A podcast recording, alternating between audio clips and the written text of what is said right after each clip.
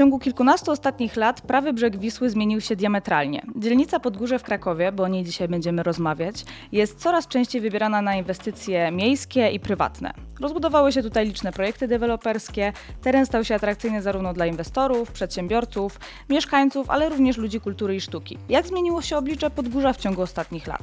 Czy to był kierunek w dobrą stronę i jaka przyszłość czeka tę dzielnicę? O tym wszystkim porozmawiam w najnowszym odcinku Miasta Czułego z Rafałem Zawiślakiem, aktywnym radnym tej dzielnicy oraz współzałożycielem Wspólne Podgórze. Kraków na mieszkańców. Podcast o wszystkim, co miejskie i krakowskie. Więc Rafale, no w ciągu ostatnich lat na Podgórzu powstało e, takich wiele miejsc kulturalnych. Dostaliśmy tutaj m.in. Mocaka, Krikotekę, e, Muzeum Fabryki Schindlera, Kładkę Bernatka, która połączyła Kazimierz z Podgórzem, czy ostatnią rewitalizację Parku Bednarskiego. I pytanie, czy jest to udana rewitalizacja, czy, czy nie, bo tutaj, jak wiemy, było dużo kontrowersji wokół tego tematu. To świadczy o tym, że Podgórze stało się raczej ważnym punktem na mapie Krakowa. I jak pytanie do Ciebie właśnie, jak zmieniła się ta dzielnica w ciągu tych kilkunastu w zasadzie lat, tak, bo to już jest taka większa przestrzeń czasowa i czy Twoim zdaniem był to w kierunek w dobrą stronę i jak to zmieniło właśnie oblicze tej dzielnicy? Dużo pytań na Tak, dzień to jest dobry takie na, duże na początek, ale też dzielnica Podgórze 13 jest dużą dzielnicą. Dużo ma mieszkańców, to jest ponad 38 tysięcy ludzi, którzy zamieszkują naszą dzielnicę, więc tych problemów i tematów do dyskusji myślę, że jest wiele, bo dzielnica się rozciąga od rejonu matycznego przez Bonarkę, Stare Podgórze, aż po przewóz. I można powiedzieć, że na każdym z tych rejonów są e, problemy, są tematy, nad którymi, nad którymi mieszkańcy się rozwodzą, dyskutują, próbują je rozwiązywać. Jakby tak idąc po kolei, to faktycznie Podgórze, jak każda w zasadzie dzielnica Krakowa, mocno intensywnie się rozwija. E, jest to związane jakby, no to wiadomo, z rozwojem deweloperki w naszym mieście. I zarówno, czy jest to Stare Podgórze, gdzie jest wiele plomb po prostu wstawianych e, w miejsca starych kamienic, czy do budowy jakiejś takiej infrastruktury mm, kiedyś poprzemysłowej, po dogęszczanie Płaszowa, tak? czyli tu, gdzie mieszkam na Płaszowie, gdzie w zasadzie każda, każda działka staje się terenem inwestycyjnym dla tego miasta i rodzi to wiele problemów dla mieszkańców. No i oni z tym się borykają. No Zabłocie też to jest taki przykład, gdzie e, Zabłocie się rozwijało od lat, a w zasadzie tylko w jednym kierunku, czyli dogęszczania betonowych bloków. No i teraz wiąże się to jakby z problemami takimi, że nie ma tam zieleni, nie ma miejsca na realizowanie jakichś projektów w budżecie obywatelskim dla mieszkańców. Starają się złożyć do budżetu obywatelskiego takie projekty, ale no, są sukcesywnie im odrzucane. Problemy z parkowaniem to jest też kolejny e, problem dla Starego Podgórza i dla na przykład Zabłocia. To samo się będzie, będzie tyczyć na Płaszowie, gdzie też ta, ten rozwój infrastruktury deweloperskiej, tak, wielo, zabudowy wiele, wielomieszkaniowej generuje też to, że jest coraz mniej miejsc dla mieszkańców na e, zieleń czy na parkingi. Zaczęliśmy mówić właśnie i jednocześnie o tym Starym Podgórzu, czyli mie miejsca, gdzie jest najbardziej kojarzone typowo z Podgórzem, bo niewiele osób chyba sobie zdaje sprawę, jak duża jest dzielnica właśnie 13. Tak jak wspomniałeś, Przewóz, Tamry Bitwy, Mały Płaszów, czyli miejsca coraz częściej e, zbierane jako, jako miejsce mieszkania. Nie tylko tych obecnych mieszkańców Krakowa, ale właśnie gromadzi coraz więcej nowych mieszkańców. Ale może wróćmy na chwilę na Stare Podgórze, bo tutaj zacząłeś o tych problemach właśnie parkowanie, e, kwestia coraz to większego zagęszczania Podgórza, no bo jest to dość takie atrakcyjne miejsce, które gromadzi w sobie wiele takich fajnych e, miejsc czy przedsięwzięć, które no spowodowały to też, że właśnie jest takie zagęszczane. Ale e, wspomnieliśmy o Starym Podgórzu, mi- między innymi o tym właśnie jak w jaki sposób się rozwijało, ale może porozmawiamy o tym, co było jeszcze wcześniej, bo ty zajmowałeś się bardzo takim problemem, który jest coraz częściej brany na tapet, czyli co robić z tymi ulicami starymi, właśnie na Starym Podgórzu, to też mają problemy te ulice. W głowie się pierwsze, co wzywa taka ulica Kalwaryjska, czy Limanowskiego i braliście udział w takim projekcie, który stawia sobie trochę pytanie, co zrobić dalej z tymi ulicami, bo są one uznawane jako takie miejsce nie do życia wręcz, a przecież stanowią takie centrum właśnie tego Starego Podgórza. I jakie były wnioski z, tej, z tych waszych e, właśnie przemyśleń, co na ten temat uważają mieszkańcy i jak ta kwestia estetyki będzie rozwiązywana? Być może trochę pomogła tu uchwała krajobrazowa. Jak to wygląda w tym momencie? Tak, jakby główna ulica Podgórz, Starego Podgórza to Kalwaryjska. Swego czasu w jednym z ankiet wybrana najbrzydszą ulicą Krakowa, więc e, myślę, że to, to określenie samo już sobie powoduje to, że chcemy zmienić tą ulicę, tak? Więc e, wraz z Fundacją e, Biuro Inicjatyw Społecznych, Rada Dzielnicy 13 Podgórze e, współtworzyła taki projekt Podgórska e, Przestrzeń Dobrego Dialogu, gdzie jednym z, z, z, z pytań było to, co możemy zrobić z ulicą Kalwaryjską i takie pytanie zostało zadane mieszkańcom e, Starego Podgórza. W tej ankiecie, o której wzięło ponad 170 osób, udzieli odpowiedzi mieszkanki i mieszkańcy Starego Podgórza i co najlepsze, że określili, co im się podoba, jak widzieliby tę ulicę, co chcieliby na niej zmienić. I, I to wszystko jakby ma swoje takie realne, realne przełożenie ich oczekiwań, więc e, można powiedzieć, że e, ta ulica jest, zawsze była i myślę, że zawsze będzie e, ulicą handlową, czyli m, tam jest dużo punktów usługowych, zawsze było dużo punktów usługowych. E, I, I, mieszkańcy, mieszkanki e, określili, że dalej by chcieli, żeby to w ten sposób, ta, ten charakter tej dzielnicy, e, tej ulicy był zachowany, ale z drugiej strony chcieliby bardzo poprawić estetykę tej ulicy, czyli to, jak ona wygląda, żeby ona już nie była taką najbrzydszą.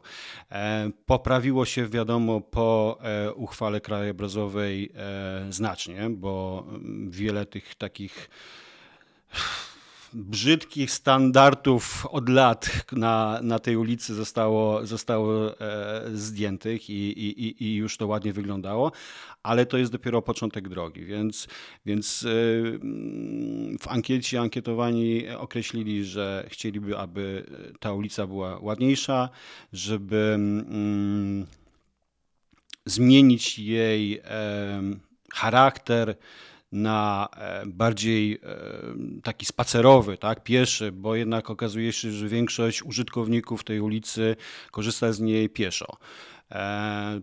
Na rowerze tam ciężko przejechać po tej ulicy, natomiast samochod, ruch samochodowy jest taki, można powiedzieć, tranzytowy, więc też jednym z punktów było to, żeby na przykład rozważyć ewentualność ruchu jednokierunkowego, e, poprawienie e, tramwajów czy przepustowości tramwajowej, ale to wszystko wymaga faktycznie, żeby usiąść, konkretnie i na podstawie tych, tej, tych ankiet, tej, tej analizy e, przeprowadzić odpowiednie konsultacje z mieszkańcami, z przedsiębiorcami przede wszystkim też e, i znaleźć taki s, złoty środek e, dla, e, dla ulicy Kalwaryjskiej. Tak, bo zdjęcia kalwaryjskie właśnie sprzed uchwały, chociaż nadal jeszcze tam pozostały, to już są chyba takie e, bardzo kultowe zdjęcia e, takiej scenerii krakowskiej, gdzie tam szyld praktycznie na szyldzie był i nie wiadomo było, gdzie się spojrzeć na, na tą ulicę, chyba jak najszybciej ją po prostu przejść, żeby mieć już spokój. Ale tam ważny taki, moim zdaniem, wątek poruszaliście y, właśnie w kontekście dyskusji o ulicy Kalwaryjskiej, ale też pewnie jak przejdziemy do też Twoich działań wspólne Podgórze, bo myślę, że to też jest fajny, ciekawy projekt taki dzielnicowy, które realizujecie, to mówiliście dużo o idei sąsiedzkości i zdaje mi się, że Podgórze ma też podobne problemy, jakie już od dawna mówi się o Starym Mieście, o Kazimierzu, czyli gentryfikacja, coraz to droższe mieszkania i taka turystyfikacja Podgórza. E, w jaki sposób, e, tak jak Twoim zdaniem to obecnie wygląda i czy właśnie jakby szukacie takich rozwiązań, macie takie rozwiązania, myślicie o nich w kontekście no chociażby tej głównej ulicy Kalwaryjskiej, ale też Starego Podgórza całego, e, co w tym temacie można zrobić, jak tą sąsiedzkość zaciśniać Podgórza? Sąsiedzkość e, Podgórzan jest ważna i myślę, że tutaj jakby sami Podgórzanie zwrócili na to uwagę i widzą, bo coraz bardziej zawiązują te takie najniższym, na najniższym poziomie takie więzi sąsiedzkie, relacje między e, sąsiadami. E, niestety znaczy stety lub niestety, ciężko to jakby określić, ale e, faktycznie turystyfikacja, czyli e, zwiększenie ilości turystów, którzy napływają już na Podgórze przez składkę Bernatkę, jest plusem, bo generuje rozwój, tak? bo, bo dzielnica się rozwija, powstają nowe miejsca pracy, nowe kawiarnie, jest to plus, natomiast też e, generuje u mieszkańców e, problemy. I o tych problemach e, mówią mieszkańcy, zgłaszają się do Rady Dzielnicy, o tym, że na przykład na ulicy Nadwiślańskiej jest coraz e, coraz większe zakłócenie spokoju, e, coraz większy ruch e, samochodowy, który e, i ludzi, więc to wszystko generuje takie negatywne, mm, negatywną energię. No i ciężko powiedzieć, tak, czy, czy ci turyści są tacy źli. Myślę, że to trzeba by było mm, przeskalować, oszacować, oszacować, tak? bo e, z jednej strony e, widać, że odkąd powstała Klatka Bernatka, połączyła za, e, mm, Kazimierz z, z Podgórzem, to e, zarówno ulica Mostowa po stronie Kazimierza, jak i tutaj właśnie Nadwiślańska i rejon e, Kładki Bernatki znacznie się ożywił. Ludzi przybyło, e, przybyło różnych właśnie miejsc, w których się spotykają. Co jeszcze? Myślę, że tutaj wspomnieliśmy trochę o tym właśnie Starym Podgórzu, bo tak płynnie chciałam przejść do waszych działań właśnie w, ramach wspólnego Podgórza, bo to moim zdaniem jest taki fajny, oryginalny projekt, który jest chyba rzadko spotykany w ogóle w Krakowie, jeżeli chodzi o takie projekty dzielnicowe. No, znamy, nie wiem, Starą Fundację Kocham Dębniki, która faktycznie też tak gdzieś organizuje się sąsiedzko, ale faktycznie e, te takie dzielnicowe projekty są nadal bardzo małe, raczej skupiają się na takich spółdzielczych działaniach, a wy założyliście wspólne Podgórze i e, skupiacie właśnie taką fajną tą sąsiedzką ideę i swoje działania dla całej 13 dzielnicy. I jakbyś mógł opowiedzieć właśnie kto, po co i dlaczego. Kto, po co i dlaczego? Wspólne Podgórze powstało z, e, myślę, że naturalnie, e, z połączenia różnych osób, e, stowarzyszeń, które działają na terenie Podgórza i dla wszystkich najważniejsze jest to, aby żyło nam się lepiej, tak? Żeby nam, mieszkańcom w tej przestrzeni, którą mamy, żebyśmy mogli ją kreować, poprawiać i lepiej nam się żyło.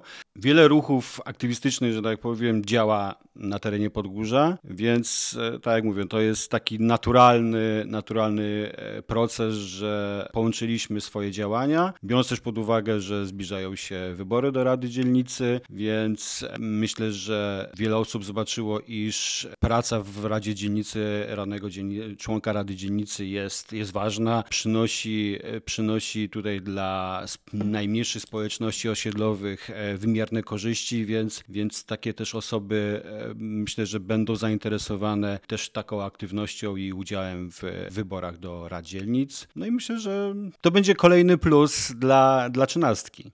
Super, no to tak zareklamowaliśmy trochę tutaj wasze działania, więc też zachęcam wszystkie osoby, które właśnie działają w Podgórzu albo chcą dopiero działać w Podgórzu do zainteresowania się właśnie wspólnym e, Podgórzem. Zaczęliśmy trochę o tych, nazwę to trochę tak brzydko osiedli peryferyjnych Podgórza, czyli rozma- będziemy tutaj rozmawiać e, o Płaszowie, o rybitwach, przewóz, o których wspominałeś i zaczęliśmy mówić trochę o ich problemach i, i takich charakterystycznych rzeczach, które ich dręczą, czyli właśnie te, znowu, to jest chyba takie krakowskie nasze, prawda, e, dogęszczanie się, e, brak parkingów, ale jakbyśmy mogli więcej trochę powiedzieć, bo ty jesteś z małego Płaszowa, zajmujesz się głównie właśnie tym obrębem, tutaj jeszcze mamy jakiś wątek bagrów, które są bardzo popularne, takie podgórskie i może porozmawiamy właśnie chwilę o tych jeszcze tych problemach osiedli peryferyjnych, ale nie tylko problemach, takich e, może szansach na zmianę, nadzieję, czy coś e, tutaj da się zrobić i jakie są wasze plany jak twoje jako radnego, ale też e, Rady Dzielnicy, jak właśnie z, z czym się zmagacie, jak się rozwijacie. Tutaj też można powiedzieć, że zmienia się na plus dzięki budżetowi obywatelskiemu, bo ty jesteś takim wieloletnim aktywistą i byłeś też w Radzie Budżetu Obywatelskiego, więc jakbyśmy mogli o tych osiedlach właśnie w Płaszowie trochę, trochę więcej. Oczywiście. Płaszów, Rybitwy e, czy Przewóz to, to są takie, można powiedzieć, ostatnie osiedla krańcu e, Podgórza. Trzy w sumie osiedla, gdzie można powiedzieć e, problematyka jest różna, czyli są różne problemy, bo ktoś kiedyś ładnie powiedział, że dla niektórych cywilizacja krakowska kończy się właśnie w Płaszowie, bo tam jest tramwaj, e, bo tam są chodniki, tak? Tam, tam jest, Tam jest petla już tramwajowa, koniec i, i, i tyle. Natomiast prawda jest taka, że faktycznie i czy na przewozie, czy na rybitwach mieszkańcy tych, tych osiedli mówią, no problem jest to, że nie ma chodników. Jest to, jest to kuriozum, tak, że jest to Kraków. Ludzie do dzisiaj zmagają się z tym, że nie mają prostej infrastruktury, jaką jest chodnik. Poza tym na Płaszowie jest problem według mnie dogęszczania tego Płaszowa, czyli na wszystkich takich wolnych e, terenach, pomijam już tereny poprzemysłowe, bo to rozumiem, tak? Na poprzemysłowych terenach, e, jeśli w planie miejscowym jest pisana zabudowa wielorodzinna, nie się to rozwija. E, zgodnie z, oczywiście z, plan, z miejscowym planem e, zagospodarowania terenu. Natomiast jeśli na terenach zielonych powstają, mają też powstawać e, bloki, bo według e, włodarzy tego miasta są to tereny inwestycyjne, no to to już, to już się to kłóci z moim podejściem do takiego funkcjonowania miasta. A to właśnie się dzieje, tak? Czyli e, Płaszczów się dogęszcza pod kątem ilości nowych mieszkańców, Natomiast e, problemem jest i to, żeśmy zdiagnozowali też w takiej debacie, czyli Płaszczów za 20 lat, gdzie zdiagnozowaliśmy, że problemem w tym momencie i na najbliższe lata będzie na Płaszowie brak edukacji, czy brak szkół, przedszkoli, żłobków, brak dostępu właśnie do takich usług socjalnych, e, do opieki lekarskiej, do brak, brak przychodni lekarskich, więc to są rzeczy, które już w tym momencie widać są zdiagnozowane, natomiast bardzo słabo widać, żeby to się rozwijało, prawda? Czyli żeby, żeby ten problem był rozwiązany w najbliższych latach, to tego mało, no nie widać tego. To jest chyba też tak jak y, wspomnieliśmy w wielu przypadkach miejsc właśnie krakowskich, wielkomiejskich, że faktycznie tworzy się jakieś nowe osiedla, a nie tworzy się żadnej infrastruktury społecznej w stosunku do ilości też mieszkańców, które, no, no nowych mieszkańców, którzy przybywają w danym miejscu i z tym też się będzie musiał tym, z tym też się mierzy po, właśnie pod górze, w tym, tak jak wspomniałeś, Płaszów. Oprócz tego bagry, tak? No, bagry są jest zrobione prawie w całości z budżetu obywatelskiego i widać, że cieszą się ogromnym, ogromnym e, zainteresowaniem nie tylko mieszkańców mieszkanek e, Podgórza, ale no, z całego Krakowa zjeżdżają osoby wypoczywając, chcąc, wypo, chcąc wypoczywać nad, nad bagrami. No i to też jest problem. To też zaczyna być problem uwagi, z uwagi na to, że większość tych ludzi uważa, że muszą dojechać na bagry w zasadzie samochodem pod same bagry, tak? Chociaż są przygotowane na przykład parkingi, czyli na przykład jest Park and Ride Mały Płaszów, e, gdzie jest e, opcja zostawienia samochodu, to jednak władze tego miasta e, nie promują tej, tego rozwiązania na tyle intensywnie i mocno, aby przebiło się to do świadomości osób wypoczywających na bagrach, że mogą skorzystać z takiego parkingu, zostawić tam samochód i specjalną linią autobusową podjechać ten jeden czy dwa e, przystanki już na bagry, gdzie mają to za 5 zł, tak? czyli za opłatę po prostu zostawienia samochodu na, e, na parkingu Park and Ride mogą jako cała rodzina po prostu podjechać już komunikacją zbiorową, autobusem specjalnym do tego przeznaczonym na, na bagry. No i co? I to generuje, że o, mieszkańcy okoli, okolic bagrów mają po prostu problem z zaparkowaniem, e, z tym ruchem, który jest wygenerowany w okresie, okresie letnim. No i te problemy pokazują, e, zgłaszają. Rada Dzielnicy próbuje je rozwiązywać, natomiast e, myślę, że tu bardziej szerzej to miasto powinno bardziej się zaangażować w promocję pewnych rozwiązań, które by ułatwiły dojazd na bagry po prostu innym osobom z innych, innych miejsc Krakowa. No to taki sam problem y, też jak z Zakrzówkiem, że miasto faktycznie promuje tego transportu komunikacji y, zbiorowej, a wręcz nawet robi parking, żeby ludzie sobie dojeżdżali samochodem, prawda? Y, no, a szczególnie w okresie letnim to jest faktycznie uciążające bardzo.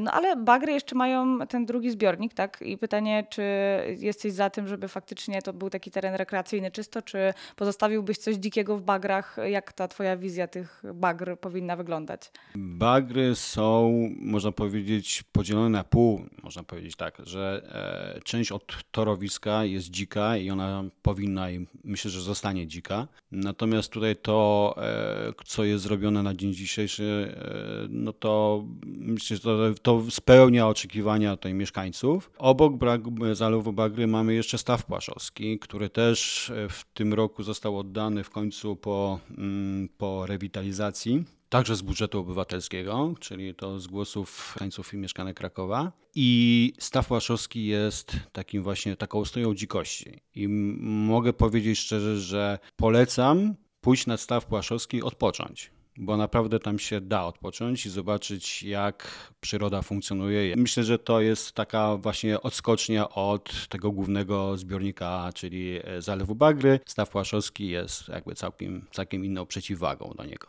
Super, popularyzujemy staw płaszowski w takim razie u nas. E, jeszcze chciałam ten jeden wątek w kontekście e, Twojej działalności i, i Płaszowa, bo tutaj e, rozmawialiśmy o tym zagęszczeniu zabudowy, ale warto się podzielić taką historią, że Ty trochę Płaszów obroniłeś przed takim dogęszczaniem, ponieważ no, za pomocą budżetu obywatelskiego myślę, że warto o tym wspomnieć, żeby jakoś tak podbudować tych, którzy też próbują. I jak to się stało właśnie, że tam ten tak przy przy pętli Mały Płaszów e, faktycznie mamy park i dość taki spory, e, a nie nowe bloki czy parking, tak? Bo wtedy chyba miał być parking, prawda?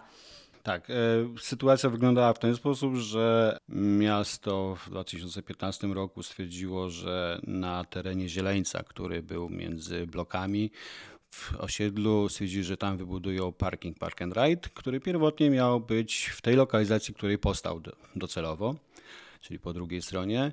E, organizując wtedy e, protest wraz z mieszkańcami Płaszowa, obroniliśmy ten, e, ten zieleniec, w którym później, na którym później właśnie powstał z budżetu obywatelskiego skwer, zielony skwer. Najpierw jeden etap, potem drugi.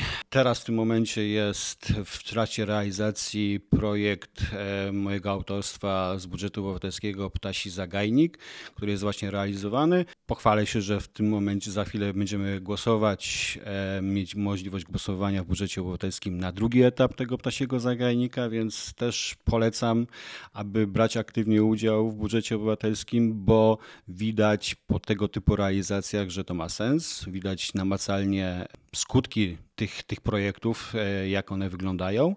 Pod tym kątem zostało, że tak powiem, trochę terenów zielonych obronionych. Z drugiej strony też byłem zaangażowany mocno przez lata w momencie, kiedy był procedowany plan miejscowy MPZP e, rejon ulicy Koszykarskiej, gdzie staraliśmy się obronić pewne e, właśnie tutaj tereny przed zabudową wielorodzinną, żeby zostały jako tereny zielone. Niestety tego się nie udało, ale przy okazji udało się zmniejszyć parametry wysokościowe tych budynków, które w tym momencie powstają no i też biologicznie czynna powierzchnia została zwiększona, więc są to jakieś tam małe, ale jednak sukcesy. Już głosowanie 22 września zaczyna się, więc e, kibicuję Twojemu projektowi, żeby zwyciężył. Bo chciałam zapytać o ten planowany park kulturowy Stare Podgórze. Już e, były tak, już jest kwestia Kazimierza, tak jest za nami, kwestia Nowej Huty za nami, ale co uważasz e, na ten temat, żeby właśnie też taki park kulturowy powstał na Starym Podgórzu? Ma być prowadzony za około dwa lata. Jak widziałam e, na przykład w przypadku Nowej Huty, to jednak wprowadzenie tego parku kulturowego spotkało się z dużym takim, z dużymi różnicami zdań. Więc myślę, że u nas też będzie taka duża różnica zdań i dlatego najważniejsze to byłoby, aby e, zrobić jasne, przejrzyste konsultacje, dyskusje, debatę w tym temacie, bo już sama ta debata na temat przyszłości ulicy Kalwaryjskiej pokazała, że e, zarówno mieszkańcy, jak i przedsiębiorcy są za tym, żeby ta ulica się zmieniała. Dla nich jest ważna też estetyka, e, podejście do, do ulicy, więc myślę, że będzie dobry taki background do tego, aby usiąść i porozmawiać o całości na przykład stare, Starego Podgórza, ale musi to być zrobione, zrobione naprawdę z głową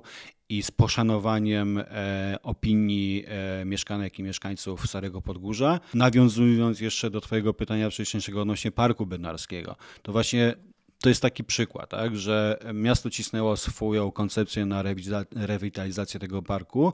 My jako dzielnica oraz wiele osób, które składało wnioski, uwagi do, do tej rewitalizacji, postawiliśmy pewne warunki, które musiały zostać spełnione. Na szczęście one zostały spełnione i na dzień dzisiejszy ten park Myślę, że w 90% spełnia oczekiwania tych właśnie osób i tak samo by byłoby z, z parkiem kulturowym, że powinniśmy usiąść, porozmawiać, dogłębnie przeanalizować e, te problemy, które widzimy, jakie funkcjonują w tym momencie na Kazimierzu, prawda, czy tak jak tutaj wspomniałaś o Nowej Hucie, więc e, jest na czym pracować, a nie rzucać się na głęboką wodę. Rozumiem, taka niejednoznaczna odpowiedź, troszeczkę wymijająca, ale uznajmy, że była udzielona. Ja w takim razie będę czekała, aż e, coś się wydarzy w, tej, w tym temacie. Mam nadzieję, że faktycznie takie konsultacje z mieszkańcami i z lokalnymi przedsiębiorcami się odbędą, aby też uwzględnić ich zdanie na ten temat. No i co, Rafale, może tak sobie posnujmy trochę takie wizje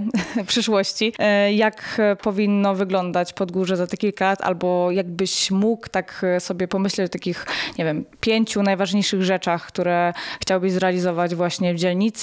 Możemy tutaj właśnie dłuższą perspektywę przyjąć. Co by było potrzebne w dzielnicy, co można było zrobić, zmienić, e, zainwestować, cokolwiek. Na debacie e, pod tytułem Płaszów za 20 lat mówiłem, że Płaszów ma szansę być takim miastem 15-minutowym.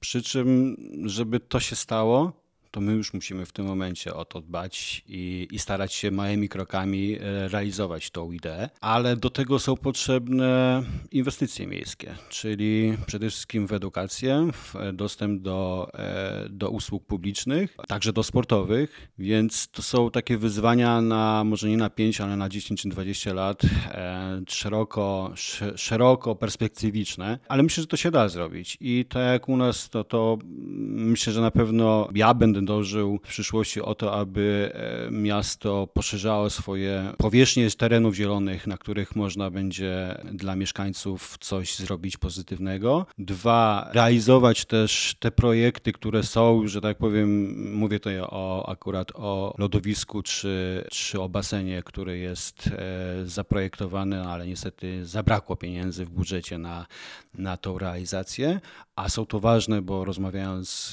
z, mies- no to wiem, że wszyscy czekają na basen, wszyscy czekają na to, aby, aby móc pojeździć na łyżwach. Sam z niecierpliwością bym chciał, żeby było całoroczne, że tak powiem, lodowisko e, zaraz obok mnie. Poza tym, żeby znaleźć rozwiązanie takich problemów spor- klubów sportowych, które funkcjonują. Myślę, że w każdej dzielnicy są takie lokalne kluby sportowe, które no, u nas nie za bardzo funkcjonują. Mam tu na myśli na przykład taką Płaszowiankę, tak? Nasz tutaj e, klub, który od lat jest w takiej stagnacji, w takim, w takim maraźmie, a myślę, że, że to też powinien być taki bodziec do rozwoju, bo wiele osób zgłasza się, że, że chciałoby, aby ta, ta aktywność sportowa na osiedlach była większa, no a, a jeśli jest potencjał, jest niewykorzystywany, no to, no to, no to, to kole w oczy. Super. Dziękuję Ci bardzo, Rafale, za rozmowę. Dziękuję, polecam się. To jeszcze tylko dopowiem, że 9 września planujemy jako mieszkańcy osiedla Lipska i, i, i Myśliwska e, zorganizowanie takiego pikniku e, sąsiedzkiego w terenie zielonym, aby pokazać mieszkańcom, co zostało zrealizowane z budżetu obywatelskiego w naszej okolicy oraz to, co będzie się e, działo, czyli jakie projekty są złożone w tegorocznej edycji budżetu obywatelskiego i na co będziemy mogli głosować. Więc e, serdecznie zapraszamy na, na taki piknik. E, Będą wnioskodawcy różnych projektów, będzie można się będzie zapoznać z tymi projektami i potem jak już przyjdzie do głosowania, to żeby oddawać te głosy na najważniejsze projekty, jakie będą w Płasz- w Płaszowie. Jeśli podobał Wam się odcinek, polecam stałą obserwację naszego kanału. A gdybyście chcieli dowiedzieć się więcej o tym, co robimy na rzecz lepszego Krakowa, to zachęcam Was do śledzenia naszej działalności w mediach społecznościowych na Facebooku, Instagramie i TikToku. Pozdrawiam serdecznie, lider Stowarzyszenia Kraków dla Mieszkańców Łukasz Gibała.